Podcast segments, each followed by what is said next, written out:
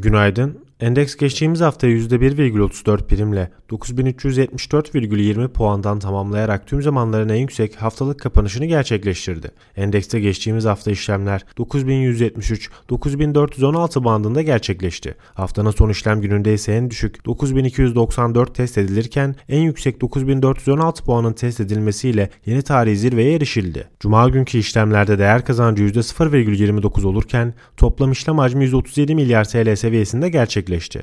Bankacılık endeksi haftalık %2,31 değer kazanırken negatif ayrışan sanayi endeksi %0,26 değer kaybetti. Geçtiğimiz hafta küresel piyasalarda yapay zeka öncülüğündeki teknoloji hisselerindeki yükseliş yurt içinde de etkisini gösterdi. Bilişim endeksi haftalık bazda %16,74, teknoloji endeksi ise %12,80 değer artışıyla haftayı tamamladı. BIST 100 endeksinde geçtiğimiz hafta 9400 direnci yukarı yönlü birden fazla test edilse de kalıcılık sağlanamadı. Endeksin yeni haftaya yukarı yönde başlamasını beklemekteyiz. Endekste yeni haftada 9400 yukarısında kapanışların alınması halinde yükseliş ivmelenebilir. Yukarı yönlü 9500 ve 9600 dirençleri takip edilebilir. Olası geri çekilmelerde 9300-9250 destek bölgesi izlenebilir. Teknik takip listemizde bugün Astor, Enerjisa, Galata Wind, Koç Holding ve Migros yer alıyor. Bugün küresel piyasalarda ABD'de inşaat sektörüne ilişkin veriler, İngiltere'de Merkez Bankası Baş Ekonomisti Pil'in konuşması takip edilecek. Yurt içinde ise öne çıkan bir veri gündemi bulunmamakla birlikte